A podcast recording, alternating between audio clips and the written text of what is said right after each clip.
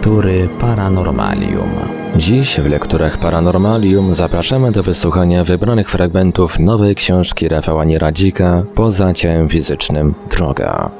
Premierze tych fragmentów na antenie Radia Paranormalium towarzyszył mały konkurs, w którym do wygrania były trzy egzemplarze wspomnianej książki. Zwycięzcom serdecznie gratulujemy i życzymy miłej i przyjemnej, a przede wszystkim wciągającej i dającej dużo nowego poznania lektury. A tych, którym się nie udało, na otarcie łez zapraszamy do wysłuchania wybranych fragmentów książki już teraz.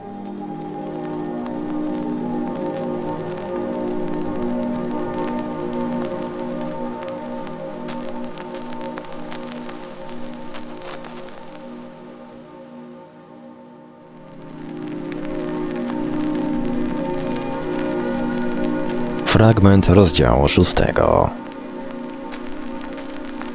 Fokus 27. Odwiedziny w centrach.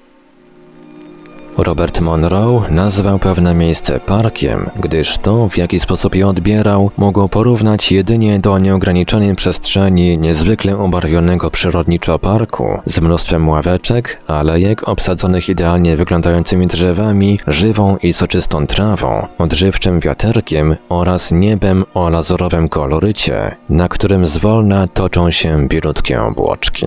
Jak się okazało później, w wyniku jego dalszych badań nad tym obszarem, Park był tylko fragmentem miejsca, w którym dzieją się tysiące spraw dotyczących istot ludzkich, ich poczynań, zachowania i stanu emocjonalno-psychiczno-fizycznego. Całość tego obszaru sklasyfikowano później jako stan świadomości Focus 27. To tu znajdują się przeróżne centra, w których umierający otrzymują pierwszą pomoc, są przystosowywani, wdrażani do innej, niefizycznej rzeczywistości, w której się znaleźli po porzuceniu ciała w wyniku fizycznej śmierci. Do tego właśnie obszaru przewodnicy, pomocnicy, aniołowie, czy jakkolwiek ich nazwiecie, odprowadzają tych, którzy zrozumieli bądź są na drodze do zrozumienia tego, że ich egzystencja, życie, które wiedli na ziemi, zakończyło się. I tak znajdziecie tutaj takie lokalizacje odpowiedzialne za szereg kwestii jak centrum przyjęć, potocznie nazywane parkiem, centrum koordynacji, centrum nauki, centrum planowania, centrum humoru, czy choćby centrum odnowy i regeneracji oraz mnóstwo innych odpowiedzialnych za tysiące spraw centrów z własnymi pracownikami, badaczami, koordynatorami. Wszystko to jest ze sobą połączone, współpracuje ze sobą w wielkiej machinie zwanej systemem życia ziemskiego. Jeżeli doświadczasz bądź chcesz doświadczyć zjawiska nazywanego oby, koniecznie polecam Ci, czytelniku, podróż właśnie do centrum przyjęć, do parku. Gwarantuję, że długo jej nie zapomnisz, gdyż jest to jedna z nielicznych lokalizacji, w której czujemy absolutne uniesienie, spowodowane samym faktem bycia tam. Swoje doświadczenia z odwiedzin parku opisałem w pierwszej książce, jednakże tym razem chcę się z Wami podzielić własną eksploracją w Centrum Odnowy i Regeneracji oraz w niezwykłym Centrum Planowania. Wizyta w Centrum Regeneracji i Odnowy. Jest ciche, spokojne, listopadowe popołudnie 2015 roku. Odbywają się warsztaty trzeciego stopnia prowadzone przez Bruce'a Meena w ustronnym, usytuowanym pośród lasu hoteliku pod łodzią. Razem z innymi uczestnikami przygotowuje się do ostatnich ćwiczeń, podróży do jednego z centrum Focusa 27. Ma to być centrum regeneracji, Wszyscy z niecierpliwością, ale spokojnie czekają na rozpoczęcie naszego zadania. Dowiedzcie się jak najwięcej możecie. Nie zapomnijcie zadawać pytań komukolwiek i o cokolwiek. Bruce, jak zawsze, skrupulatnie udziela ostatnich wskazówek. Zwolna przenoszę swoją świadomość, osiągając stan relaksu. Następnie skupiam się na fokusie 10 i dany przez proces przygotowawczy trafiam do poszczególnych miejsc przystankowych. Kiedy tylko osiągam odpowiednią harmonię, spotykam się z niefizycznym przewodnikiem, częścią własnego ja tam. Oczekiwał mnie w moim miejscu tam, w największym pomieszczeniu domku, w salonie. Witaj, wibrowałem radośnie. Witaj, Czeka nas daleka podróż. Jesteś podekscytowany. Cieszę się na nią. Jestem ciekaw tego, co odkryjemy, jednak zanim to się stanie, mam do ciebie pytanie. Powiedz mi, czy Bożena, moja partnerka, jest w jakiś sposób ze mną powiązana. Przewodnik nie odpowiedział mi słowami, zamiast tego pojawił się pewien obraz, jak film wyświetlany przez projektor starego typu. Widzę chłopaka, młodego, lecz to nie dziecko. Podchodzi do dziewczyny, daje jej coś, daje jej też buziaka. Potem obraz zmienia się. Te same dwie osoby są już starsze, mają może kilka lat więcej. Stoją w kościele, to jakaś wielka uroczystość, ślub, tak, zdaje się, że biorą ślub. Ona w białej sukni, on w garniturze. Odczuwam duże pokłady miłości pomiędzy nimi. Znów zmiana obrazu. Dziecko. Rodzi się im dziecko. To syn. Kolejna zmiana. Ich dziecko wygląda jakby miało 3-4 latka. Smutek, rozpacz, mężczyzna umiera. Ona zostaje sama z dzieckiem. Obraz znika. Zamykam się w sobie na chwilę. Coś układa się w całość. Kolejny klocek układanki, jaką jest wędrówka poprzez życie, nabiera większego sensu. To, co dzieje się teraz, ma silne korzenie w przeszłości, w daleko odleglejszej niż tylko maleńki fragment, jakim jest jedno ludzkie wcielenie. Spoglądam na przewodnika. On wie, czeka na mnie zawsze i rozjaśnia się w takich chwilach, kiedy coś powoduje, że jeszcze bardziej rozumiem siebie i to, co się dzieje wokół mnie. Ruszajmy, rzucam zdecydowanie. Kilka sekund później pojawia się cel. Początkowo jak w gęstej mgle, jednak im bliżej, tym bardziej mgła żedła, ukazując wielkie pomieszczenie pełne łóżek. Jak pacjenci w szpitalu leżą na nich przeróżne osoby. Obok łóżek stoją wielkie pojemniki, w których w jakimś gęstym, ale przeźroczystym płynie zawieszeni są ludzie. Przypomina to pojemniki z filmów science fiction lub po prostu wielkie szklane probówki. Rozglądam się, szukam kogoś, z kim mógłbym porozmawiać. Nagle przychodzi do mnie istota w białym kitlu. Witaj, kim jesteś w tym centrum? Zadaję standardowe pytanie według wskazówek Brusa. Jestem koordynatorem zbioru wszystkich chorób. Postać odpowiada bez wahania. Odczuwam w niej wielkie skupienie i skrupulatność w tym, co robi. Czy są to choroby występujące na Ziemi? Tak, te, które już występują i te, które wystąpią. Czym się zajmuje to centrum? Centrum leczy tych, którzy dalej przeżywają agonię po śmierci. Kończąc wypowiedź, koordynator wskazuje jedno z łóżek, do którego podchodzimy. Leży na nim człowiek, mężczyzna. W środkowej części jego klatki piersiowej widzę otwór z dziwnym kolorem w środku. Umarł na raka, mówi postać w kitlu. Spoglądam znów na leżącego mężczyznę. Co jakiś czas otwiera on oczy, wzdycha i zamyka je. Otwór na środku jego klatki piersiowej delikatnie pomniejsza się za każdym razem, kiedy otwiera i zamyka oczy. Końcu dziura znika zupełnie, a mężczyzna wstaje pełen energii i rusza gdzieś, widocznie uradowany. Do czego służą te pojemniki? Zagaduje koordynatora o duże, wypełnione płynem i ludźmi szklane probówki. On odwraca się w ich kierunku i mówi, abym przyjrzał im się lepiej. Robię to, co mówi. Przyglądam im się. Po chwili zauważam, że płyn znajdujący się w pojemniku podnosi się i opada. W miarę jak mija czas, płynu jest coraz mniej. Zauważam też związek między ubywaniem płynu a otwieraniem i zamykaniem oczu osoby znajdującej się wewnątrz. Jest to kobieta. Ilekroć otworzy oczy, po chwili zamykając je, płyn obniża swój poziom. W końcu pojemnik z kobietą jest pozbawiony cieczy. Otwiera się, a kobieta wyskakuje na zewnątrz i zaczyna tańczyć. Tanecznym krokiem pełnym radości opuszcza salę. Przypomniałem sobie pewną sytuację z życia rodzinnego. Niedawno zmarł mój wujek, Zygmunt. Miał raka i z tego co wiem, umierał długo i w bólu. Chciałbym zapytać o mojego wujka, który chorował na raka, Zygmunta. Tak, był tu i opuścił już centrum. Przechodził dużą agonię. Chcesz go zobaczyć? Koordynator, zupełnie niezaskoczony tym pytaniem, zaproponował coś, czego się nie spodziewałem. Jasne, zdążyłem niemal wykrzyknąć, po czym od razu pojawił się mój wujek. Uśmiechał się. Czułem w nim radość. Był zdecydowanie chudszy niż zapamiętałem, ale wyglądał zdrowo. Przytuliłem go i pożegnałem się z nim. Wróciłem do rozmowy z koordynatorem. Chcę się czegoś dowiedzieć o uścisku w sercu, który kiedyś miewałem. Przypomniały mi się chwile, kiedy czułem natarczywe ciepło i drapanie w okolicach serca, kończące się uczuciem dużego nacisku. Mój rozmówca wskazuje mi kogoś w oddali. On ci wytłumaczy. To specjalista od chorób serca. Znów czuję się zaskoczony, ale szybko podchodzę do wskazanego mi specjalisty, który od razu rozpoczyna komunikację. Witaj, nie spodziewałem się kogoś takiego jak ty. Jestem zdumiony twoją osobą.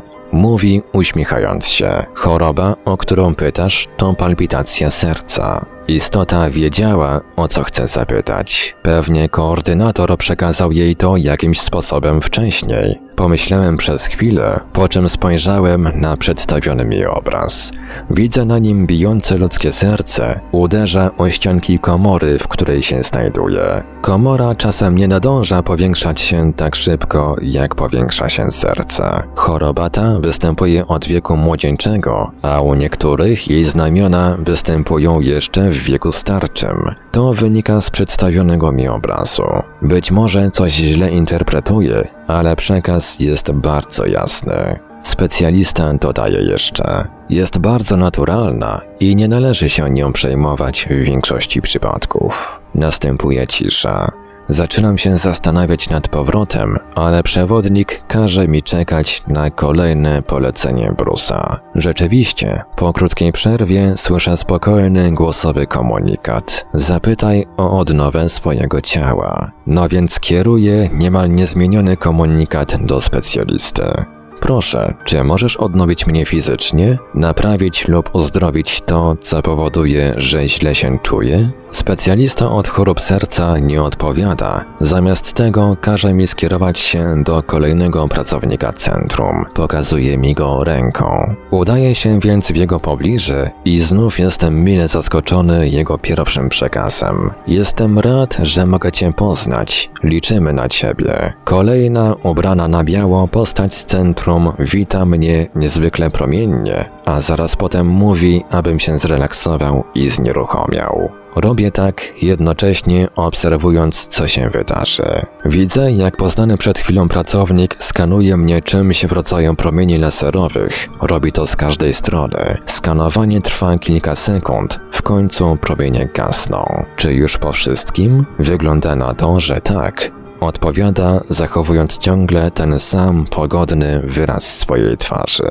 A czy mógłbyś mi przedstawić jakiś dowód tego zabiegu? Oczywiście. Ponownie pojawia się przede mną obraz. To mój korpus, a na nim z lewej strony, pomiędzy żebrami, jest coś wyglądającego jak kulka. Kulka zostaje wyjęta i rozprasza się jak cienki, palony papier. W końcu znika zupełnie. Rana, która powstała po wyjęciu kulki, zabliźnia się, a na koniec pojawia się kilka postaci. Są otoczone białym światłem. Czuję więź z nimi. Coś mi mówi, że to części mojego ja tam. Całują miejsce z blizną, delikatnie je liszą. Obraz znika. Idę jeszcze sprawdzić, co u jednego z uczestników tego samego ćwiczenia. Arka. Widzę go, jak stoi nad łóżkiem, a postacie dookoła niego pokazują mu coś w rodzaju operacji, jakby czegoś związanego z chirurgią czy powikłaniami po operacji chirurgicznej.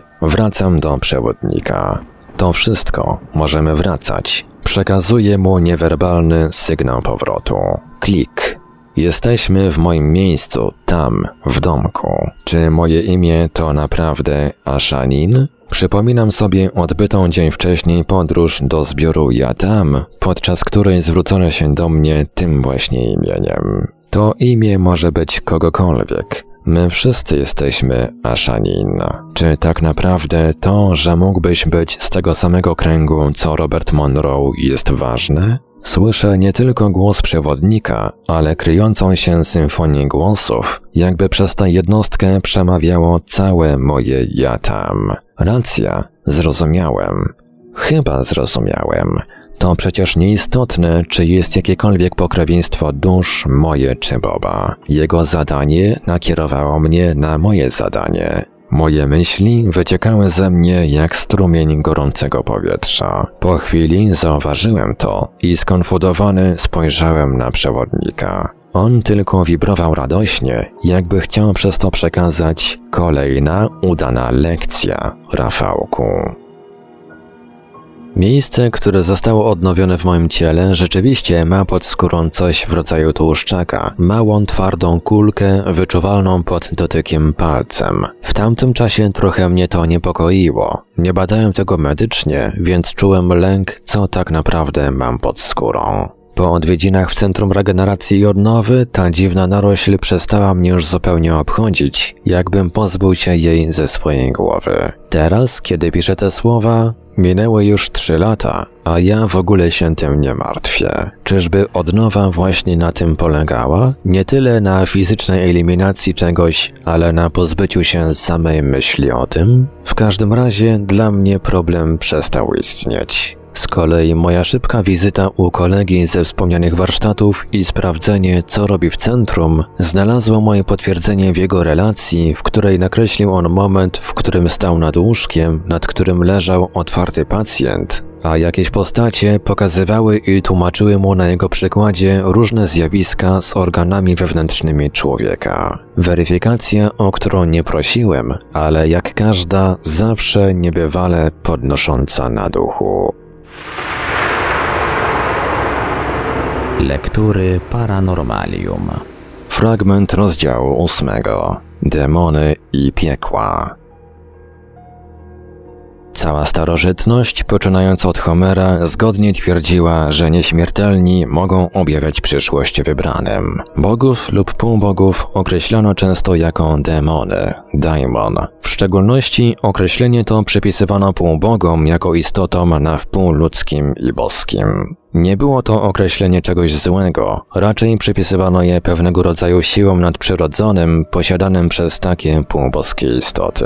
Prawdopodobnie dopiero w IV wieku naszej ery pewien syrakuzański pisarz, apologeta Firmicus Maternus, przypisał to określenie demon pogańskim bogom, nadając im złowieszczego, groźnego i występnego charakteru. Za Firmikusem powtarzano później w różnych językach i ujęciach hasła o przymusowym leczeniu z pogaństwa i demonicznej sile w nim tkwiącej. Odtąd demony były już tylko synonimem zła. Przekonanie to szczególnie silne w dobie mnóstwa filmów i powieści z gatunku horroru, w których przedstawione są różnego rodzaju opętania, czyli przejęcia fizycznych ciał przez istoty ze świata duchowego, utwierdziło się w naszym postrzeganiu tego, co nieznane i tym samym z góry określane jako złe. Czy jednak, mając na uwadze, jak ogromna i nieprzenikniona jest przestrzeń niefizyczna nie tylko w obrębie systemu życia ziemskiego, ale i dalej, w nieznane, zapomniane przez nas lub niezbadane systemy energetyczne, możemy oceniać cokolwiek z tak prostej i pozornej perspektywy jak dobro i zło?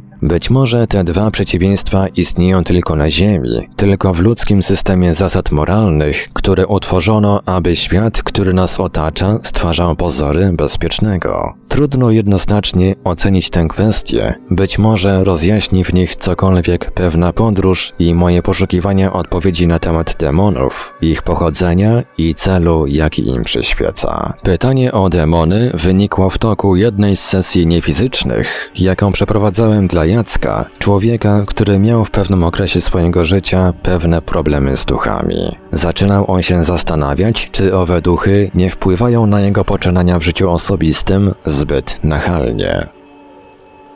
Maj 2017 roku. Widzę tego człowieka, Jacka, starszy facet, siwawe włosy, jasna koszula, jakby we wzorki albo kreseczki, kołnierzyk. Rzeczywiście, są wokół niego istoty, które coś mówią. Podpowiadają jakby. Przewodnik mówi mi, że te istoty są jednocześnie częściami jego samego, ale i przemawia przez niego jego ego podkoloryzowane tym, czego doświadczył w życiu.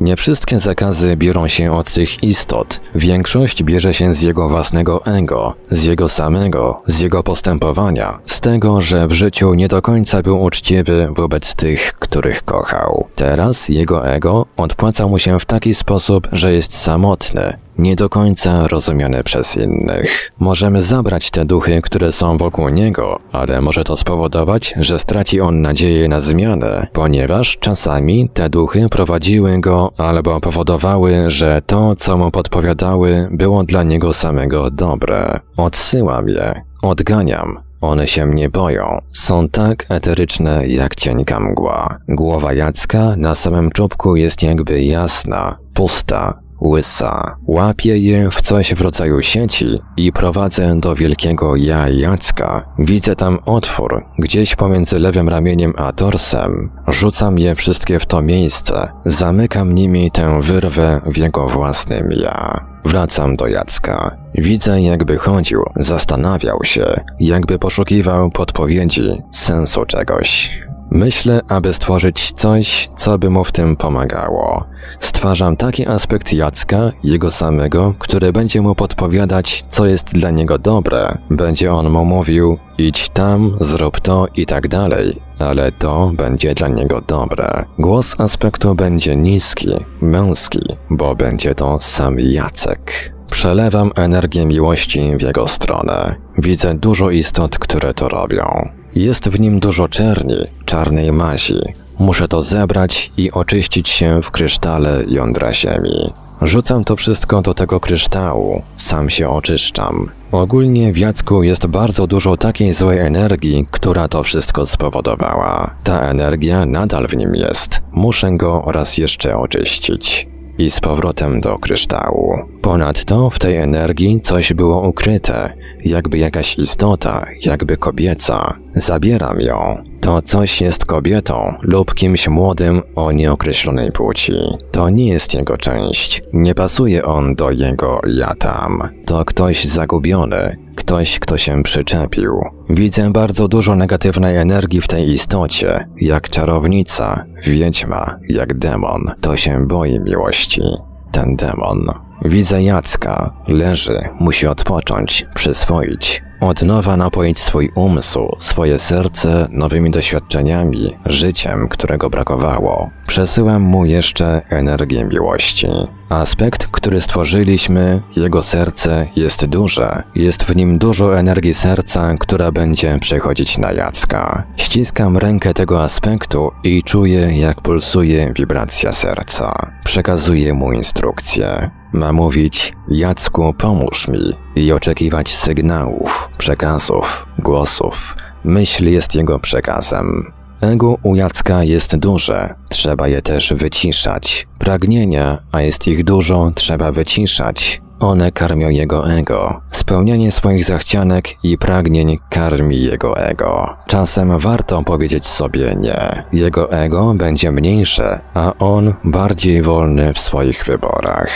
Istoty już mu nie zagrażają. Asymilują się z jego wielkim ja. Tamta demoniczna istota została zabrana. Słyszę jeszcze jej ryk. To nie była dobra istota w ludzkim znaczeniu tego słowa. Ashira! Przewodnik mówi, że tak się ona nazywała. Mówi też, że to postać demoniczna, ale bardziej tak jakby demonik, nie przejawiający jakichś wielkich energii. Pytam o takie istoty, o demony. Pojawia się obraz, jak taka istota wyłania się, pochodzi, przebywa poza systemem życia ziemskiego. One czasem są w pobliżu. Z pobieżnych obserwacji wiedzą, co dzieje się w systemie, przekradają się przez systemy, szkodzą, śmieją się w pewien sposób z tego. Przynosi im to pewien rodzaj szyderczej radości, ale dla nich również to, co robią, jest doświadczeniem. Otrzymuje też informację, że często takimi demonami są również dusze ludzkie, które bardzo zatraciły się w swoim ego, zagubiły się w postrzeganiu i rozróżnianiu ludzkich cech osobowości.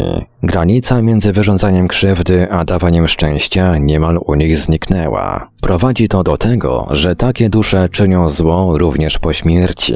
Z czasem zyskują tym samym dużą moc, energię zła, stają się demonami o wielkiej sile i mocy. Skąd ich moc? Pytam przewodnika. Mają ją, ponieważ ilekroć wyrządzają komuś szkodę, krzywdę, pozyskują jego energię. Dusze, którym one zaszkodziły, są osłabione. Dopóki demon jest w pełni sił, osłabione dusze są uśpione, aż demon nie przestanie czerpać z nich energii. Odpowiedź przewodnika jest następnie zobrazowana w postaci wizji. Widzę te spożytkowane przez demoniczną istotę dusze. Stoją jak zombie, jak w śpiączce, w ciemności, bez namysłu, bez reakcji na cokolwiek, z głowami zwieszonymi w dół. Demon się cieszy, jest silny. Widzę potem kolejny obraz, jak demon zostaje rozbity przez energię miłości wysyłaną przez jasne istoty. Cała zdobyta przez niego energia wraca do tych uśpionych dusz. One się budzą, emanują nią. Wokół nich nastaje jasność. Demon natomiast staje się coraz mniejszy, maleńki, znika, w końcu dezintegruje się. Wracam do Jacka. Widzę go w otoczeniu jakichś ludzi. Przytula ich, jakby dawno się nie widzieli. Widzę jakąś kobietę z długimi włosami. Jeszcze jakieś inne postacie. Może dwie. On nie przytula. On się cieszy na ich widok. Brakowało im siebie. Otwórz serce dla bliskich, Jacku. Tędy droga do odkupienia win, które dopuściłeś wobec samego siebie. Jedną z nich było pozbawienie się całkowicie lęku i strachu wobec tego, co nadchodzi w twoim życiu.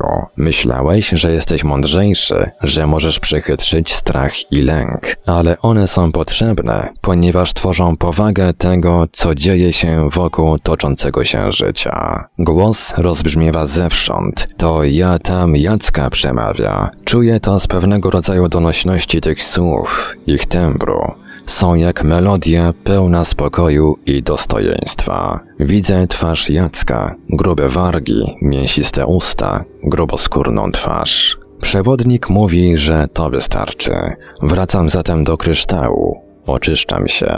Widzę jeszcze raz Jacka, jak ktoś składa mu gratulacje lub wita się z nim. Energicznie ruszają się ich ręce. To jakiś mężczyzna. Wracam do C1. Jeżeli również i ty, czytelniku, podróżujesz za pomocą którejkolwiek z metod w światy niefizyczne, mocno zastanów się nad poszukiwaniem odpowiedzi dotyczących kwestii demonów, natrętnych istot, czy ogólnie pojętego zła w jakiejkolwiek postaci. Dlaczego?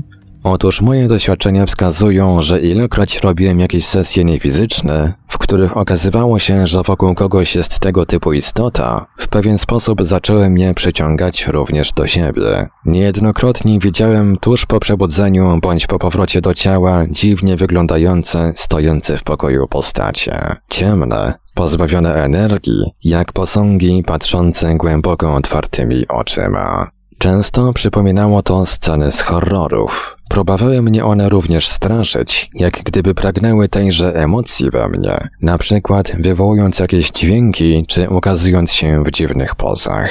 Przyznam, że pomimo moich doświadczeń i niemal wytrzebionego poczucia grozy, bywało, że się bałem.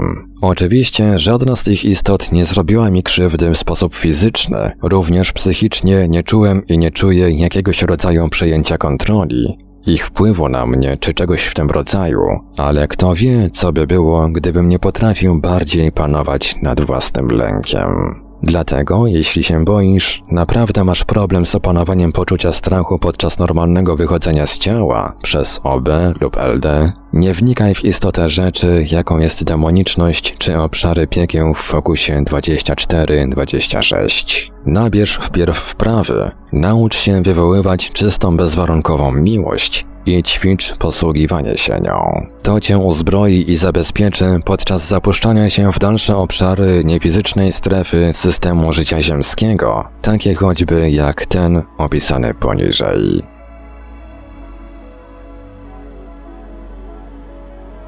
Kolejny obszar piekieł. 9 października 2017 roku. Jest noc. Nie mogę zasnąć. Przewracam głową z boku na bok. Męczę się tak już kilka godzin. W końcu czuję zmęczenie, znużenie powoli zbiera mnie w sen. Świadomość jednak jest stała, niezmienna, pod kontrolą. Ciało odpływa. Widzę wir, mimowolnie odrywam się od fizycznej powłoki i wlatuję w niego. Jestem w nim. Lecę głęboko w wir energii.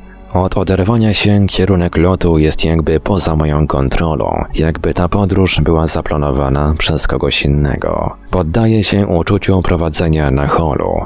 Ufam, jak zawsze zresztą, że za tym wszystkim kryje się jakaś nowa lekcja, doznanie serwowane mi przez ja tam. W końcu pojawia się ciemność. Coś jak promienie, światło, ale delikatne, jak gdyby emitowane z reflektorów. Odsłania się przede mną wzgórze, bardziej ziemiste niż skaliste, gdyż jego kolor balansuje na granicach brązu i czerni. Ląduje na jednym z jego zboczy. Widzę jakichś ludzi, popędzają innych, są na wpół nadzy, obleczeni tylko w łańcuchy i skórzane pasy, ich sylwetki są atletyczne, umięśnione, a jednocześnie są brudni, jakby w jakiejś zapomnianej epoce barbarzyńskich ludów z pogranicza horroru. Ci, którzy są przez nich popędzani, są niejako zrezygnowani i jednocześnie pełni strachu, jakby nie mieli żadnego wyjścia z sytuacji, w której się znaleźli. Niektórzy z nich mają związane z tyłu ręce, Inni krzyczą, lamentują. Wszyscy jednak dają się popędzać przez tych umięśnionych, którzy smagają ich batami. Jeden z nich zdaje się być kimś w rodzaju nadzorcy. Jest wyjątkowo brutalny i żądny strachu tych popędzanych nieszczęśników. Zaciekawiony tymi scenami, zastanawiam się, dokąd są pędzeni ci ludzie, te dusze. Nagle zdaję sobie sprawę, że zostałem zauważony przez jednego z tych złowieszczo wyglądających mężczyzn z batem. Łapie mnie i rzuca w korowód nieszczęśników. Nie czuję lęku. Z całą świadomością wiem, że tylko odgrywam pewną scenę, że nic i nikt nie jest w stanie mnie skrzywdzić. Poddaję się więc całkowicie tej sytuacji. Spokojnie idę przed siebie razem z innymi. Coś zaczyna się dziać. Dostrzegam przed sobą, jak idący przede mną ludzie zaczynają gdzieś znikać, jeden po drugim. W końcu dochodzę do tego miejsca, w którym wcześniej dostrzegłem znikających ludzi. Jestem pierwszy w korowodzie. Już wiem, co działo się ze znikającymi. Oto rozpościera się przede mną przepaść. Dół jest bardzo głęboki. Słyszę za sobą śmiech nadzorującego i świst batów jego popleczników. Ciągle jest we mnie całkowity spokój. Doskonale wiem, że nic mi nie grozi. Rzucam się w rozpadlinę i zaczynam spadać. W trakcie spadania uzmysławiam sobie, że pomimo tak wielu emocji tego miejsca, nie czuję ich w ogóle w sobie samym. Nie utożsamiam się, nie przejmuję się tym, co widzę i co odbieram tutaj. Czy jest w tym jakiś ukryty cel? W końcu upadam na dno wielkiego dołu. Od razu jakiś ubrany w czarną skórę i specyficzny hełm mężczyzna bije mnie dziwnym przyrządem przypominającym elektrycznego pastucha. Coś jak niebieskie wiązki prądu przeszywają moją energetyczną postać, jednak nie czuję żadnego bólu. Rozglądam się. Co chwilę z góry spadają kolejni. Widzę na ich twarzach strach i przerażenie. Rozpaczliwy krzyk dobiega z różnych stron tego pozbawionego jakichkolwiek roślin surowego krajobrazu. Wokoło mnie zauważam też kobiety. Są całkowicie nagie, wychudzone, z opadłymi piersiami, jakby przekwitłymi, jednak ich twarze mówią mi, że nie są one starsze niż 20-30 lat. Kobiety także krzyczą, głośno egzaltują swój ból i lęk. Niektóre z nich próbują uciekać lub biegają wokoło, jakby pędzone strachem, który całkowicie tłumi ich świadomość. Niektóre rzucają się na mnie, chcą kopulować. Czuję, jak ich twarde kości obijają się o moje energetyczne ciało. Jestem nieporuszony. Nagle czuję sygnał. Pojawia się poniekąd coś w rodzaju wskazówki. Sygnał nie ma zewnętrznego nadawcy, On jest we mnie, jakbym samoistnie zrozumiał cel mojej misji w tym miejscu.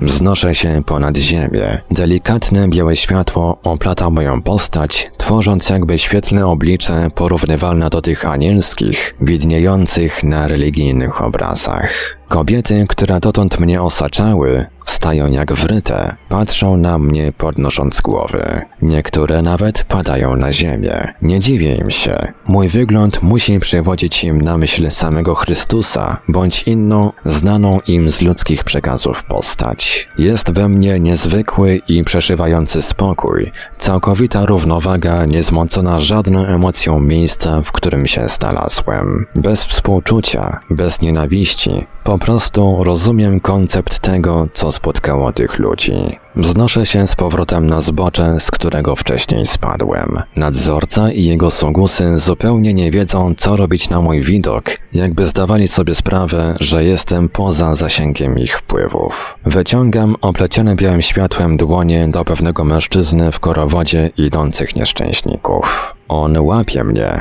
zabieram go i tuż przed samym wzniesieniem się w górę dostaję sygnał, że jest jeszcze ktoś do zabrania. Odwracam się w kierunku innego mężczyzny, stojącego w bliskiej odległości. To jego dotyczy sygnał. Ich oczy zdradzają mi, że trafili tu prawdopodobnie przez pomyłkę lub mieli tylko zobaczyć to miejsce w celu odbycia jakiejś lekcji. Zdradzał ich też niespotykany spokój na tle uniesionych i rozemocjonowanych krzykaczy z korowodu. Widzę w nich świadomość, której brakuje tym, którzy tu trafiają. Wznoszę się, trzymając ich za ręce. Po chwili to makabrycznie wyglądające miejsce niknie pod nami. Widzę obszary, przez które przelatujemy, miasto pełne budynków, pełne szarości. Dosłownie przechodzę z zabranymi przez ścianę tych budynków bez jakiegokolwiek oporu. Po chwili uwidacznia się obszar niebieskiego pasma w oddali. Dostrzegam białe, przemierzające go wzdłuż i wszerz światełka. To chyba jakieś świadome istoty, myślę. Po kilku chwilach lotu w bezkresnej ciemności pojawia się znajomy obszar park. Zielona łąka, soczysta trawa, wszystko okraszone jakby delikatną, spowijającą białą mgiełką. Wspaniałe, bujnie wyglądające drzewa stojące pojedynczo, jakby miało to podkreślić ich odosobniony majestat i piękno. Ach, park. Cóż za niezwykłe miejsce. Wzdycham. Stajemy na trawie. Czuję jej charakterystyczną fakturę pod swoimi stopami. Pozostawiam dwójkę towarzyszy minionego lotu.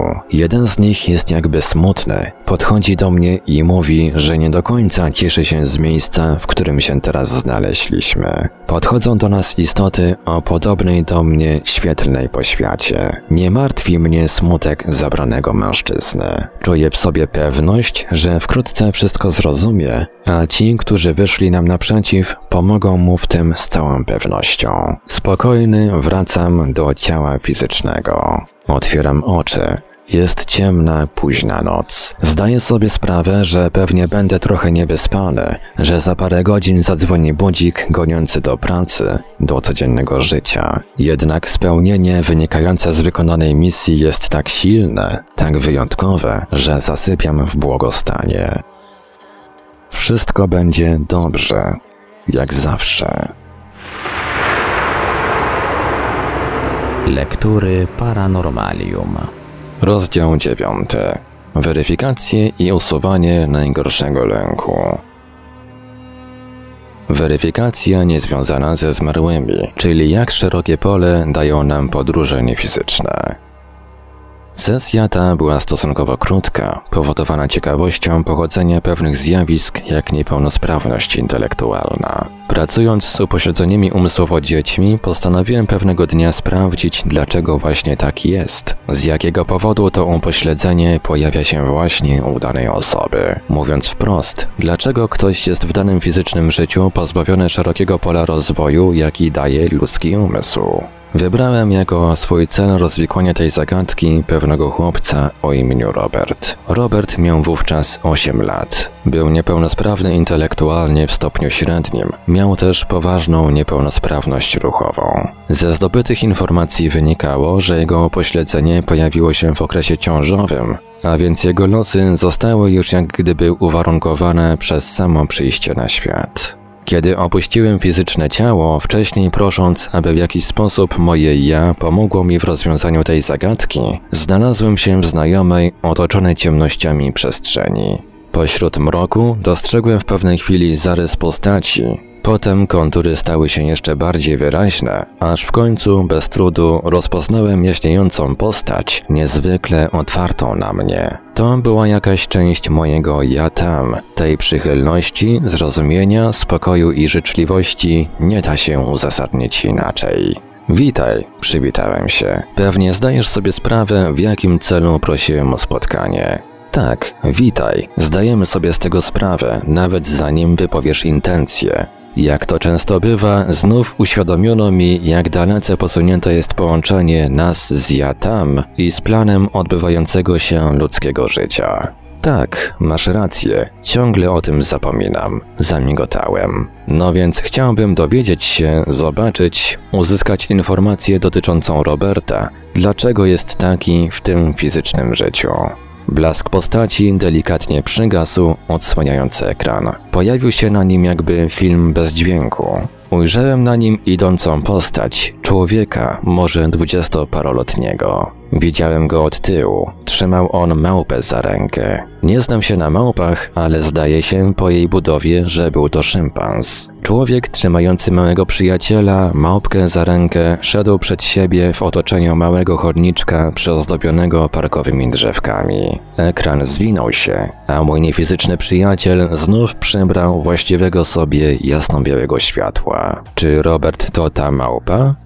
Mam rozumieć, że jego niepełnosprawność bierze się z poprzedniego zwierzęcego życia? Tak, Rafale. W przypadku Roberta mamy do czynienia z jedną z możliwości dostosowania się ducha, który dotychczas był zwierzęciem, a teraz uczy się małymi krokami bycia człowiekiem. Czy każdy upośledzony człowiek ma podobne pochodzenie swojej niepełnosprawności? Absolutnie nie. Ten przypadek dotyczy tylko Roberta i choć inne także mogą być do niego podobne, to jednak nie jest to regułą.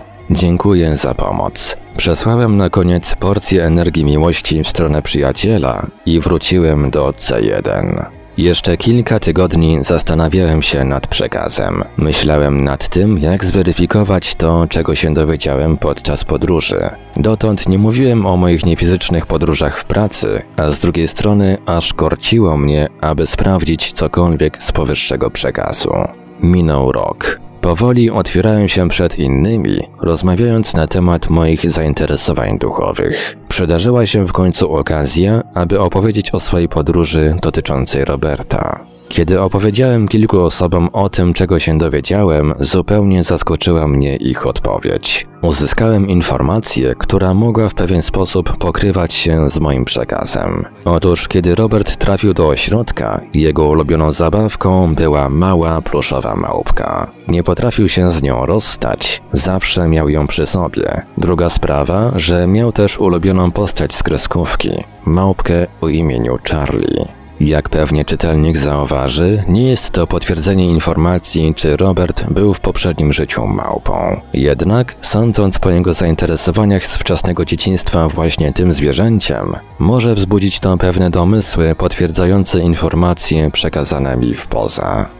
Przykład ten ilustruje także, jak szerokie pole dają nam uzyskiwane informacje jak ważna jest właściwa, niemal równa poetyckiej interpretacja i weryfikacja zgromadzonych metafor w postaci przekazów, słów, odgłosów, a nawet zapachów. Jeżeli zatem będziesz już w stanie bezpiecznie i swobodnie podróżować, postaraj się wykorzystywać tę zdolność w pełni, zmieniając skupienie nad sprawami w zależności od zainteresowań, jakie akurat w danym czasie masz, dokładnie dokładnie tak, jak dyktuje ci to Twoja ciekawość. Ona jest najlepszym drogowskazem do podjęcia zmian w każdym aspekcie życia na Ziemi. Pamiętaj tylko, aby nie bać się za nią podążać.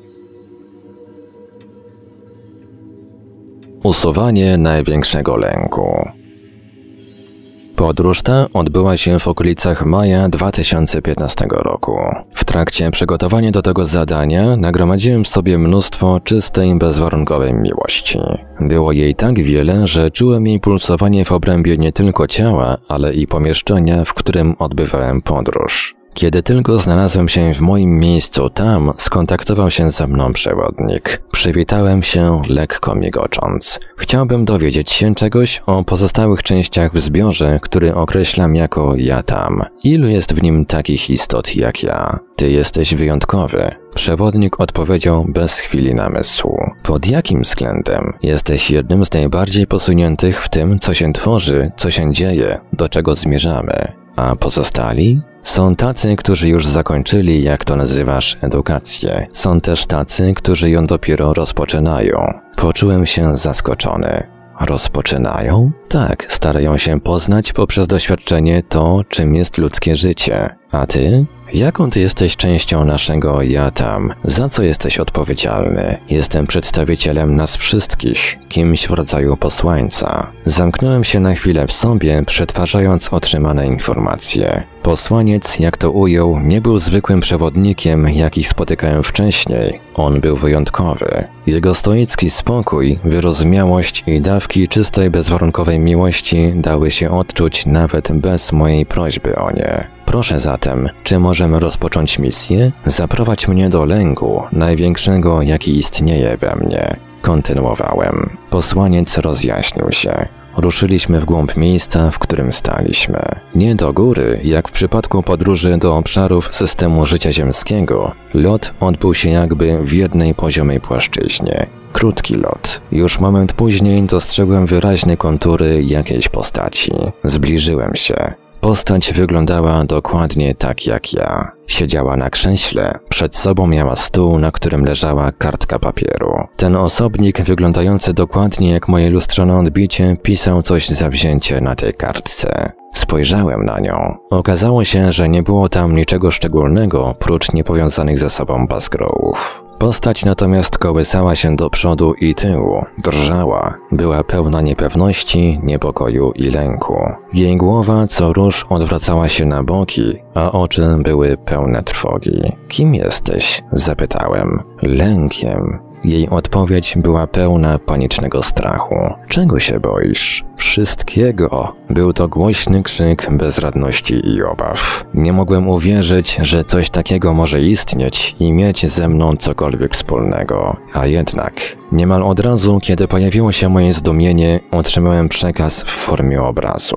Widzę siebie zerkającego na zegarek, ciągle bojącego się, że gdzieś się spóźnię, nie zdążę na czas. Zobaczyłem, jak śpieszę się do pracy, jak boję się, że coś mi nie wyjdzie, że końcowy efekt prac moich starań nie będzie zadowalający dla mnie i dla innych. Potem pojawiły się sceny, jak martwię się o pieniądze, o mieszkanie, o wszystko. Zrozumiałem, że jednak nie jestem tak pozbawiony trosk, które codziennie zdradzają obecność właśnie poprzez te małe i wielkie zmartwienia. Dostałem również informację, że ten lęk towarzyszy mi w każdym fizycznym życiu, aż od zarania dziejów ludzkich. Bałem się upływu czasu, że się nie wyrobię, nie poradzę sobie, że coś zepsuję, że nie zapiszę czegoś ważnego, nie zapamiętam. Znów spojrzałem na postać uosabiającą ten ogromny lęk, Coś stało za nią. Przyjrzałem się bliżej temu czemuś. Była to przypominająca niemal piekielne postacie człekopodobna istota, diaboliczna w swoim wyglądzie.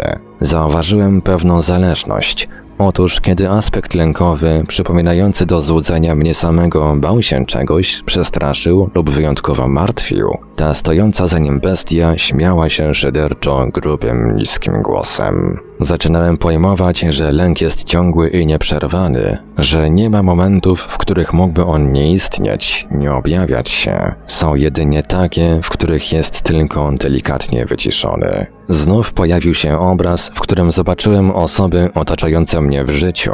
Ujrzałem to, w jaki sposób mnie postrzegają, widząc we mnie ten lęk. To było okropne. Zdać sobie sprawę, co tak naprawdę stoi za moim zachowaniem. W końcu zebrałem się w sobie i zacząłem pracę. W pierwszej kolejności uderzyłem pełną mocą czystej, bezwarunkowej miłości w potwora wyśmiewającego się z aspektu lękowego. Musiałem użyć tej energii naprawdę sporo, gdyż bestia stawiała zacięty opór, drąc się w niebogłosy. Dopiero po kilkudziesięciu sekundach, kawałek po kawałku zaczęła znikać. W końcu rozpłynęła się zupełnie. Wróciłem do lęku. Wstał, uśmiechnął się Zmienił się. Nie czułem w nim już strachu czy przerażenia. Nie bał się. Nie zerkał nerwowo na zegarek. Zwróciłem się do posłańca z Jatam. Co teraz? Czy mamy odprowadzić ten aspekt na swoje miejsce? Tak. Posłaniec zawibrował. Wyczułem radość. Jesteśmy z ciebie dumni. Pozbywasz się lęku, który był najistotniejszy w całym twoim życiu. Po tej odpowiedzi poczułem się w pewien sposób wyjątkowo zrównoważony i szczęśliwy. Rozjaśniłem się. Posłaniec z Jatam odczuwalnie mnie wyróżnił. Złapaliśmy aspekt lękowy za ręce i niemal w tym samym momencie pojawiła się wielka postać mnie. Aspekt został zassany jednocześnie w kilka dziur. Wielka postać mnie zrobiła się znacząco większa, silniejsza, pełniejsza. To było coś więcej niż poprzednio odzyskiwane aspekty mnie samego. Ten był ze mną niemal od początku ziemskiej wędrówki. Pewnie dlatego zatkał tak wiele otworów w wielkiej postaci mnie. Niesamowite doświadczenie. Wyraźnie zawibrowałem. Wróciłem z posłańcem do mojego miejsca tam. Postanowiłem stworzyć coś, co pomoże mi w sprawach aspektów lękowych. Utworzyliśmy wspólnie aspekt, którego zadaniem od tej pory miało być usuwanie i odzyskiwanie aspektów lękowych z przeszłości, z wszystkich żyć, chwil, które były moją podróżą poprzez ludzkie życie na Ziemi. Jego zadanie okazało się ogromnie ważne i trudne, o czym przekonałem się tuż po jego pierwszym wysłaniu, kiedy pojawiły się setki obrazów z różnych sytuacji i żyć, w których powstawały nowe lęki i obawy. Dodatkowo jego celem miało być także działanie w przyszłości, w której chroniłby mnie przed wszelkimi lękami, które mają dopiero nastąpić. Po wszystkim zwróciłem się do posłańca. Nie sądziłem, że coś takiego może we mnie tkwić, ciągnąć się przez te wszystkie życia. Jest jeszcze wiele spraw, które cię zaskoczą. Odpowiedział bez najmniejszego wzruszenia, naturalnie i spokojnie. Czy powinienem napisać o tym wszystkim?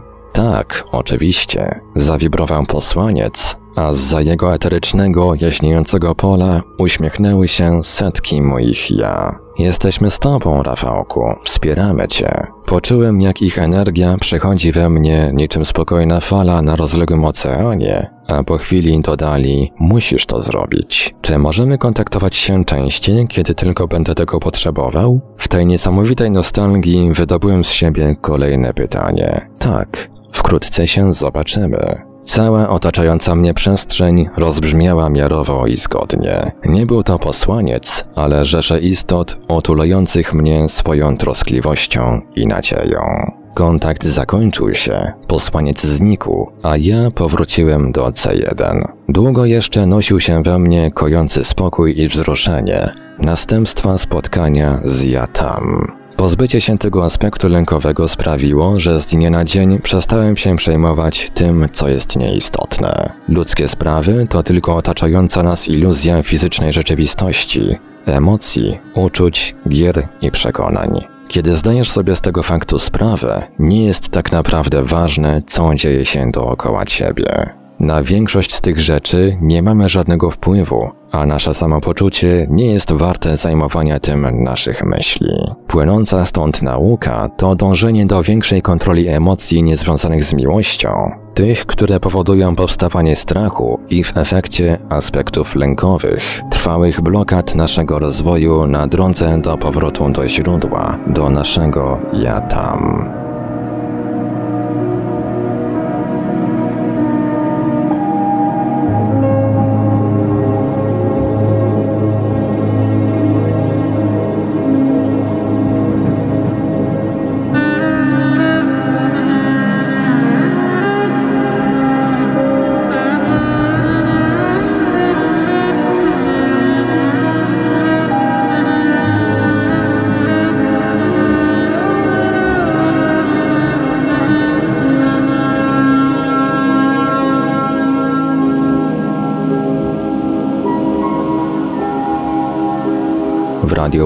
Paranormalium zaprezentowaliśmy wybrane fragmenty książki Rafała Nieradzika Poza ciałem fizycznym Droga. Książka dostępna jest do kupienia m.in. na oficjalnej stronie internetowej poza ciałem fizycznym prv.pl oraz za pośrednictwem fanpage'a na Facebooku.